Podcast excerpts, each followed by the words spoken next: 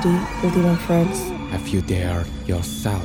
Karena lo lagi dengerin Cerit Malam, Here and Won't Be Forgotten. Setiap hari Kamis, jam 12 siang hingga jam 3 sore, cuma di 107,7 FM. Atau di radio.umn.ac.id. UMN Radio, inspiring change for tomorrow. Halo Ultima Friends, welcome back to podcast Cerit Malam sama gue Jovi. Dan gue Billy, dan di episode kali ini kita bakal bahas satu kriminal terkejam yang belum ketahuan identitasnya sampai sekarang, yang memiliki julukan Mr. Cruel. Oke, langsung aja Ultima Friends. Mr. Cruel adalah seorang pemerkosa anak berantai di Australia yang menyerang tiga gadis di pinggiran utara dan timur Melbourne, Victoria pada akhir tahun 1980-an sampai awal tahun 1990-an. Dia juga merupakan tersangka utama dalam penculikan dan pembunuhan seorang gadis yang bernama Carmen Chan pada tahun 1991. Dan di sini kelihatan banget ya Ultima Friends kalau Mr. Cool ini memang seorang yang sangat kejam banget nih. Dia itu seorang pemerkosa anak berantai di Australia dan bahkan udah menyerang banyak banget gadis. Karena tidak bisa diidentifikasikan hingga sekarang, akhirnya dapatlah dia itu julukan sebagai Mr. Cool atau Tuan Kejam nih Ultima Friends. Betul, itu merupakan salah satu hal yang seram ya Bill karena tindakan dilakukan itu benar-benar menyeramkan, keji banget, tapi sampai sekarang itu belum diidentifikasi siapa Mr. Cruel sebenarnya. Nah, bahkan tiga serangan yang dilakukan oleh Mr. Cruel ini sampai sekarang itu menjadi kasus dingin atau cold case yang belum terpecahkan bahkan sampai saat ini nih, setelah 40-an tahun berlalu. Ditambah lagi Ultima Friends, sampai ada hadiah sebesar 200 ribu dolar Australia untuk dua penculikan yang dilakukan oleh Mr. Cruel ini. Dan bahkan ya, baru-baru ini pada bulan April 2016 lalu, per 25 tahun setelah kematian dari Carmen Chan tadi, polisi Victoria Korea meningkatkan hadiah untuk informasi penangkapan dan penghukuman pelaku dari 100 ribu dolar Australia menjadi 1 juta dolar Australia Ultima Friends. Wah ini adalah nilai yang sangat fantastis karena walaupun udah bertahun-tahun kemudian Mr. Cruel ini masih diincar oleh kepolisian ya Ultima Friends tapi walaupun belum diketahui identitasnya Mr. Cruel ini sendiri sebenarnya punya ciri-cirinya yang bikin kita sebenarnya bingung nih gimana sih ciri-cirinya sebenarnya kenapa masih nggak tertangkap sampai sekarang ini polisi sendiri ini akhirnya menggambarkan menggambarkan kalau Mr. Cruel ini sebagai seorang yang sangat cerdas dan sangat cermat merencanakan setiap serangannya dan bahkan melakukan pengawasan terhadap para korban dari keluarga mereka untuk memastikan kalau misalnya dia ini nggak meninggalkan jejak forensik. Jadi dari rambut, terus sidik jari, jejak kaki, itu semua tuh jangan sampai tertinggal di orang-orang yang menjadi korban dari Mr. Cruel ini. Dan itu menurut gue juga serem banget ya Jov ya. Artinya si penculik kejam ini juga licik banget nih. Dia merencanain semua rencananya biar bener-bener matang tuh. Dari apa yang dia lakukan itu berhasil ya bahkan sampai sekarang pun masih belum ketahuan nih identitas sebenarnya siapa dan siapa sih dalang sebenarnya dari kasus penculikan dan pembunuhan tersebut tuh. Bener, wajahnya sendiri juga dilindungi karena setiap kali dia melakukan aksinya, si Mr. Cruel ini tuh juga menutup wajahnya. Terus juga dia meninggalkan ikan haring merah untuk mengalihkan perhatian keluarga yang menjadi korbannya dan juga polisi. Bener sih, ini serem banget karena seorang yang sepintar itu, secerdas itu, tapi menjadi seorang kriminal yang melakukan tindakan-tindakan keji. Bener-bener bikin gue mikir apakah benar-benar ada orang yang pintar tapi malah melakukan tindakan yang gak manusiawi ini ya Bill. Dan ditambah juga ada banyak saksi bilang kalau dia itu berbicara dengan lembut lalu perilakunya tidak tergesa-gesa dan saat dia beristirahat selama serangan di rumah korban untuk makan. Jadi benar-benar tindakan-tindakan seorang psikopat ya. Gak habis pikir loh dia tuh sampai ketika serangan itu makan, numpang makan di rumah korbannya itu. Dia benar-benar gak ada rasa takut atau rasa kayak cemas takut ketangkap karena dia mungkin yakin ya dengan rencana yang udah dia dia buat ini kalau dia tuh nggak bakal ketangkap polisi saking pintarnya ya si Mr. Cruel ini. Sebenarnya juga banyak kesaksian-kesaksian lain kayak contoh dia itu mengancam akan melukai korban atau keluarga korban dengan pisau atau pistol. Dan di sini dari dengar ciri-ciri dari polisi itu sebenarnya juga gak heran sih dia itu bisa susah banget untuk ketangkap ya karena emang bersih banget ya mainnya ya. Dia itu mengancam dia itu juga memperhatikan banget ya jejak-jejaknya itu. Bener tapi juga jadikan salah satu faktor yang ngeri ya Bill karena itu pastinya orang-orang biasa aja yang cuma bisa menyembunyikan menyembunyikan identitasnya dan melakukan tindakan kejahatan nih. Nah, tapi setelah membahas latar belakang Mr. Cruel tadi, gue dan Miri bakal lanjutin buat bahas kasus-kasus serta korban-korban dari Mr. Cruel yang tadi udah sempat kita mention di awal. Nah, Ultima Friends, sebenarnya kenapa sih dia itu bisa dicari-cari banget? Bahkan sampai sekarang itu kasusnya udah lewat bertahun-tahun masih belum terpecahkan gitu. Karena memang pada dasarnya dari kasus-kasus yang sudah dilakukan oleh Mr. Cruel ini emang kejam banget Ultima Friends.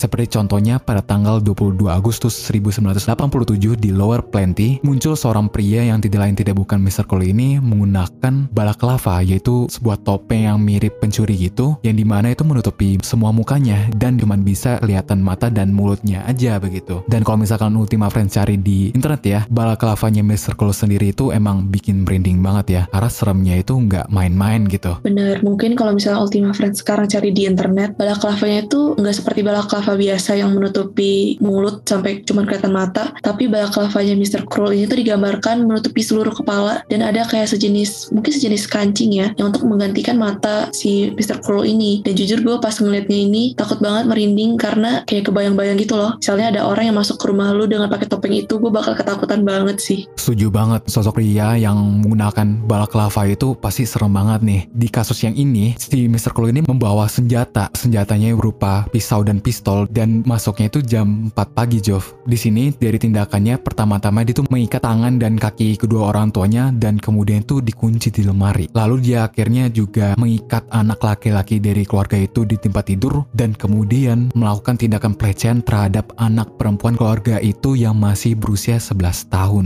Wah ini benar-benar serem banget sih karena nggak kebayang kalau misalnya lu lagi tidur tiba-tiba ada orang yang datang mengikat tangan dan kaki lu dan yang bikin gue mikir sebenarnya kenapa bisa ya dari dua orang tua ini tuh tiba-tiba kayak nggak berdaya dan langsung diikat kaki dan tangannya mungkin karena dia juga bawa senjata kali ya Bill dan diancam supaya serahin tangan dan kakinya cuman nggak manusia banget sih karena anak perempuan ini tuh sampai dilakukan tindakan pelecehan ya pasti bisa bikin trauma seumur hidup nih Dari tindakan Mr. Cole ini juga dia sempat mutusin saluran telepon ya yang di mana itu memang bener-bener yang bikin orang tua keluarga itu nggak bisa ngelakuin apa-apa nggak bisa minta tolong juga semua itu udah direncanakan oleh Mr. Cruel ini gitu Benar, jadi semuanya udah kelihatan kalau dia tuh udah merencanakan semua dengan rapi ya, biar nggak ada yang bisa melaporkan dia. Padahal ini tuh baru tindakan pertama. Nah, Ultima Friends, nggak sampai di situ, ada kasus selanjutnya yaitu terjadi dua tahun kemudian pada tanggal 27 Desember tahun 1988 di Ringwood. Korbannya kali ini juga adalah sebuah keluarga, di mana kali ini Mr. Crow masuk ke rumah keluarga melalui pintu belakang sekitar pukul lewat 20 pagi. Masih sama nih dengan kasus sebelumnya, dia itu bawa pistol dan juga mengenakan balaklava yang sama. Bisa dibayangkan ya Ultima Friends, ada orang yang pakai topeng serem kayak gitu masuk ke rumah jam 5 subuh nih. bakal serem gak sih tiba-tiba ada sosok orang yang pakai balaklava pagi-pagi datangi rumah Ultima Friends nih dan sama halnya dengan kasus yang sebelumnya juga nih Ultima Friends orang tua dari keluarga tersebut itu diikat dan akhirnya mulutnya itu disumbat dan di sini juga Mr. Cole mengambil uang dari orang tua tersebut sama dengan kasusnya sebelumnya gak sampai di situ dia itu beraksi ke anak perempuan mereka yang masih berusia 10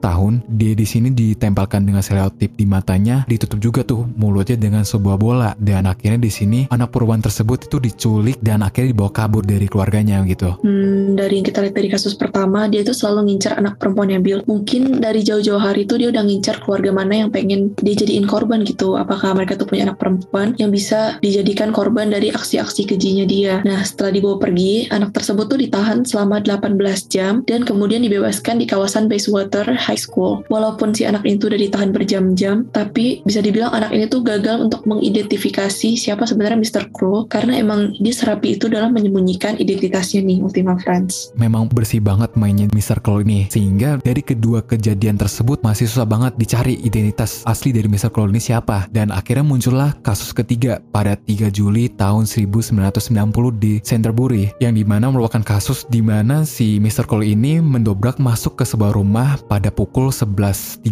malam nih Ultima Friends dan di sini seperti biasa Mr. Claw ini membawa senjata yang sama yaitu pisau dan pistol dan menggunakan balaklavanya dan di sini dia juga akhirnya seperti biasa mengikat dan menyumpal orang tuanya dan kemudian membawa seorang gadis berusia 13 tahun dengan menempelkan selotip di mata dan menonaktifkan telepon di rumah keluarga tersebut dan gak berhenti di sana Mr. Cole juga kemudian membawa anak perempuan itu ke rumah lain ya dan akhirnya juga dilecehkan selama 50 jam berturut-turut sebelum akhirnya dilepaskan di gardu listrik di pinggiran kota Kyo Ultima Friends ini jujur serem banget ya karena memang anak perempuan berumur 13 tahun tuh dilecehkan selama 50 jam Makin banyak kasusnya itu makin parah sama tindakan dilakukan oleh Mr. Crow. Kayak pertama cuman dilecehkannya di rumah itu sendiri. Kemudian yang kedua dibawa pergi selama 18 jam. Tapi yang ketiga ini parah banget karena diculik selama 50 jam dan dilecehkan dan kemudian dilepaskan di pinggir kota. Ini benar-benar serem banget dan traumatizing banget sih buat anak-anak itu. tindakan dari Mr. Cole ini baik lagi emang kejem banget memang sesuai dengan namanya itu Mr. Kroll ya, tuan kejam begitu Jov. Gak sampai di situ juga karena memang kepintaran Mr. Kroll ini untuk menyembunyikan identitasnya, akhirnya muncullah kasus keempat, kasus selanjutnya yaitu pada tanggal 13 April 1991 di Staplestow. Nah, sebenarnya masih misteri ya siapa dalang sebenarnya dalam kasus ini. Cuman banyak banget yang berspekulasi bahwa dalang sebenarnya merupakan Mr. Kroll karena memang katanya dalam kejadian ini ada terdapat seorang pria yang menggunakan balaklava yang menerobos masuk ke sebuah rumah keluarga di sekitar jam 8.40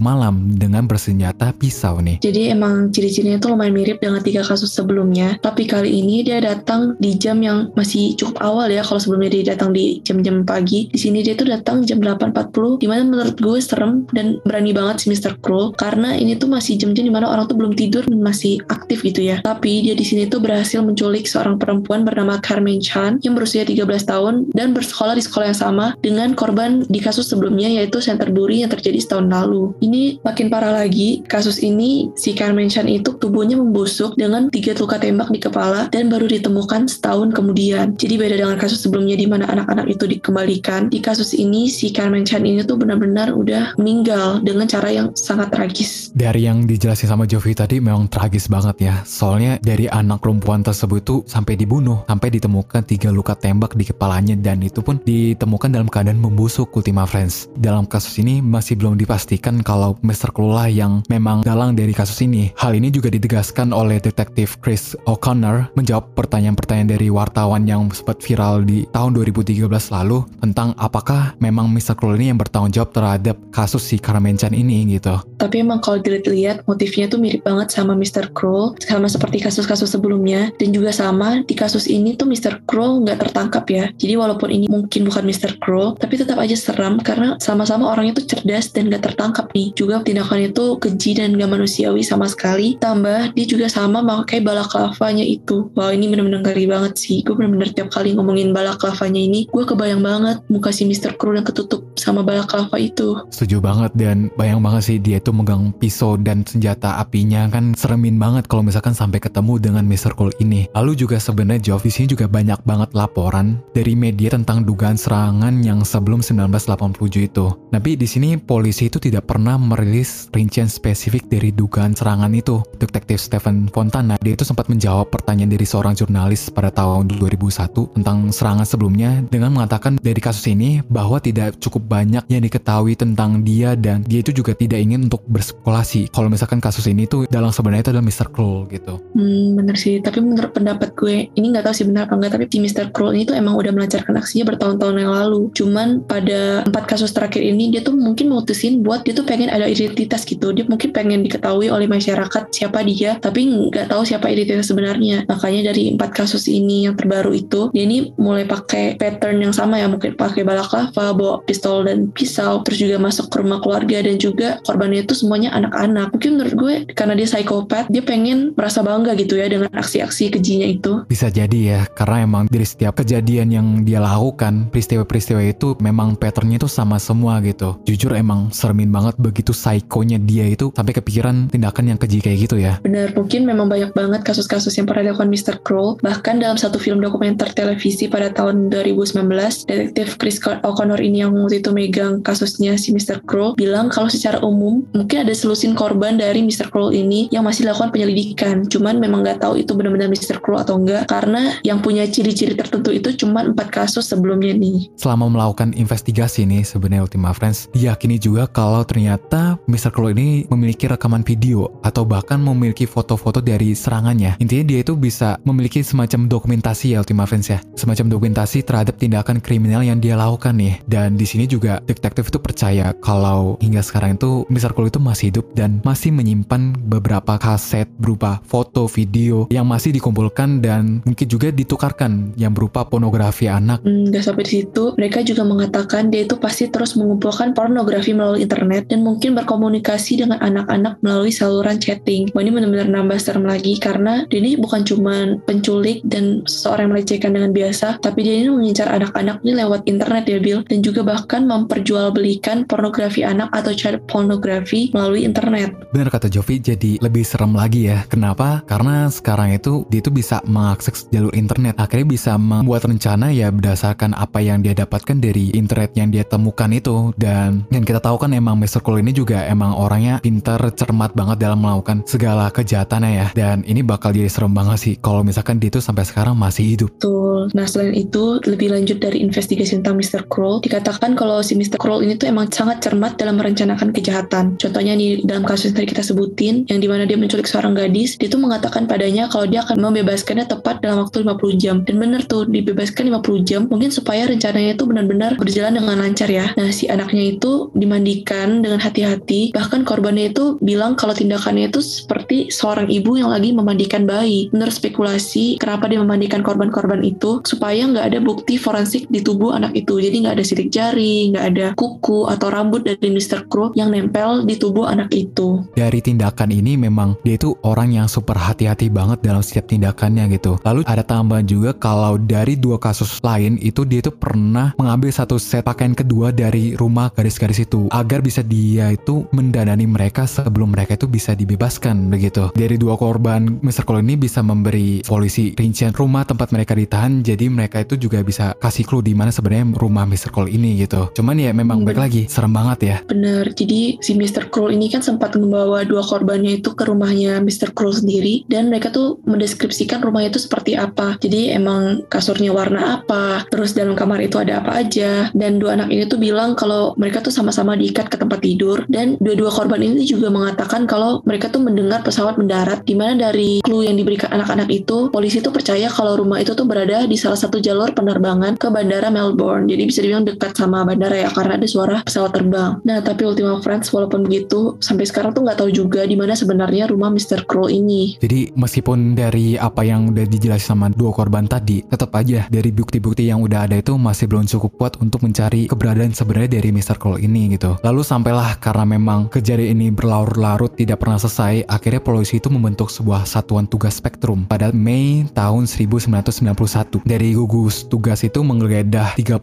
ribu rumah dan akhirnya juga mewawancari sekitar 27 ribu tersangka atas serangan tersebut. Wah, itu benar-benar jumlah yang banyak banget dan gak main-main banget karena 30 ribu rumah dan 27 ribu orang yang diwawancarai, tapi tetap aja dari angka sebanyak itu tuh Mr. Krull benar-benar gak ketahuan di mana ya. Bener rapi banget. Mungkin dari 27 ribu orang itu salah satunya sebenarnya ada Mr. Krull, tapi karena dia saking pintarnya, saking cerdasnya menyembunyikan diri, dia bisa lolos walaupun dari wawancara nih sama petugasnya. Benar bisa jadi kan. Nah, lalu memang karena saking bener-bener gak bisa ketemu nih setelah melakukan penggeledahan dan wawancara, akhirnya dibuatlah sebuah poster hadiah untuk penculikan ini, kasus penculikan ini, dan akhirnya juga memang didistribusikan pada tahun 1991 ke semua rumah di Victoria dan juga di daerah-daerah tertentu di Australia Selatan dan New South Wales dan di sini poster itu besar banget ditempatkan di tempat umum gitu Ultima Friends. Dan gue penasaran sih sebenarnya si Mr. Krull ini kan orang-orang biasa ya pastinya dia ngeliat juga poster-poster ini. Gue penasaran sih sama reaksi Mr. Krull apakah dia sebenarnya malah takut atau malah bangga ya dengan dirinya sendiri karena banyak yang nyariin dia gitu. Karena dia kan seorang psikopat ya mungkin kalau orang biasa itu bakal takut ketahuan, takut ketangkep, tapi si Mr. Krull ini mungkin justru makin tertantang kali ya Bill sebenarnya kita udah bahas tentang Mr. Crow sendiri gitu. Nah, Mr. Crow sendiri itu sebenarnya juga merupakan julukan dari sebuah surat kabar The Sun namanya. Hmm, jadi bisa dibilang ini sebagai cikal bakal kenapa orang tuh manggil Mr. Crow ini sebagai Mr. Crow ya, karena emang polisi sendiri yang mendeskripsikan dia kalau dia tuh sebagai seorang yang sangat licik dan sangat kejam. Nah, akhirnya nama tersebut tuh diadopsi oleh media lainnya sebagai Mr. Crow. Pada saat itu polisi juga yakin si Mr. Crow ini tuh bertanggung jawab atas tiga pemerkosaan lainnya, yaitu yang pertama pada tahun 19 1985 terhadap seorang wanita, yang kedua pada tahun 1987 terhadap seorang gadis, dan yang ketiga pada tahun 1987 terhadap seorang wanita lagi nih. Kejadian ini memang benar-benar susah banget untuk dipecahkan ya. Sampai sekarang pun masih belum ketemu pelaku sebenarnya siapa. Dan di sini juga dari tahun 2010 hingga 2013, polisi itu bersama-sama di bawah satuan tugas Apollo memeriksa kembali kejahatan yang dikaitkan dengan Mr. Kroll, tetapi tetap aja identitasnya itu masih belum terungkap nih Ultima Friends. Hmm, berarti tahun 2010 sampai 2013 itu mereka masih aktif untuk mencari Mr. Kroll ya. Padahal itu udah bertahun-tahun setelahnya. Kita nggak tahu nih di tahun segitu Mr. Kroll itu sebenarnya masih hidup atau enggak, atau masih berkeliaran, atau mungkin masih melakukan tindakan aksi-aksi jahat tapi bukan pakai nama Mr. Kroll lagi ya. Kita benar-benar nggak tahu keberadaan Mr. Kroll ini ada di mana. Bisa jadi memang dia itu udah berhenti melakukan tindakan pembunuhan atau mungkin juga karena emang udah tuanya dari kasus ini, mungkin saja dia sudah meninggal begitu. Kalau menurut Ultima Friends sendiri, Mr. Mr. Cruel ini masih ada nggak sih sampai sekarang? Kira-kira itu kenapa sih dia itu bisa menyembunyiin dirinya itu sampai puluhan-puluhan tahun gitu Ultima Friends? Oke Ultima Friends, Merini nggak dengar kasus Mr. Cruel. Sebenarnya masih dibilang sampai sekarang sayembaranya itu masih berlaku karena Mr. Cruel ini tuh masih berkeliaran di luar sana. Intinya Ultima Friends berjaga-jaga diri aja ya, karena siapa pun bisa jadi adalah Mr. Cruel atau siapa pun yang kelihatannya normal bisa jadi sebenarnya adalah psikopat yang melakukan tindakan-tindakan kejahatan. Terima kasih Ultima Friends udah dengerin podcastnya Jerit Malam kali ini. See you on another episode. Bye. Are you ready, Ultima Friends? Have you dared yourself? Karena lo lagi dengerin Jerit Malam, Here and Won't Be Forgotten. Setiap hari Kamis, jam 12 siang hingga jam 3 sore, cuma di 107,7 FM. Atau di radio.umn.ac.id. UMN Radio, inspiring change for tomorrow.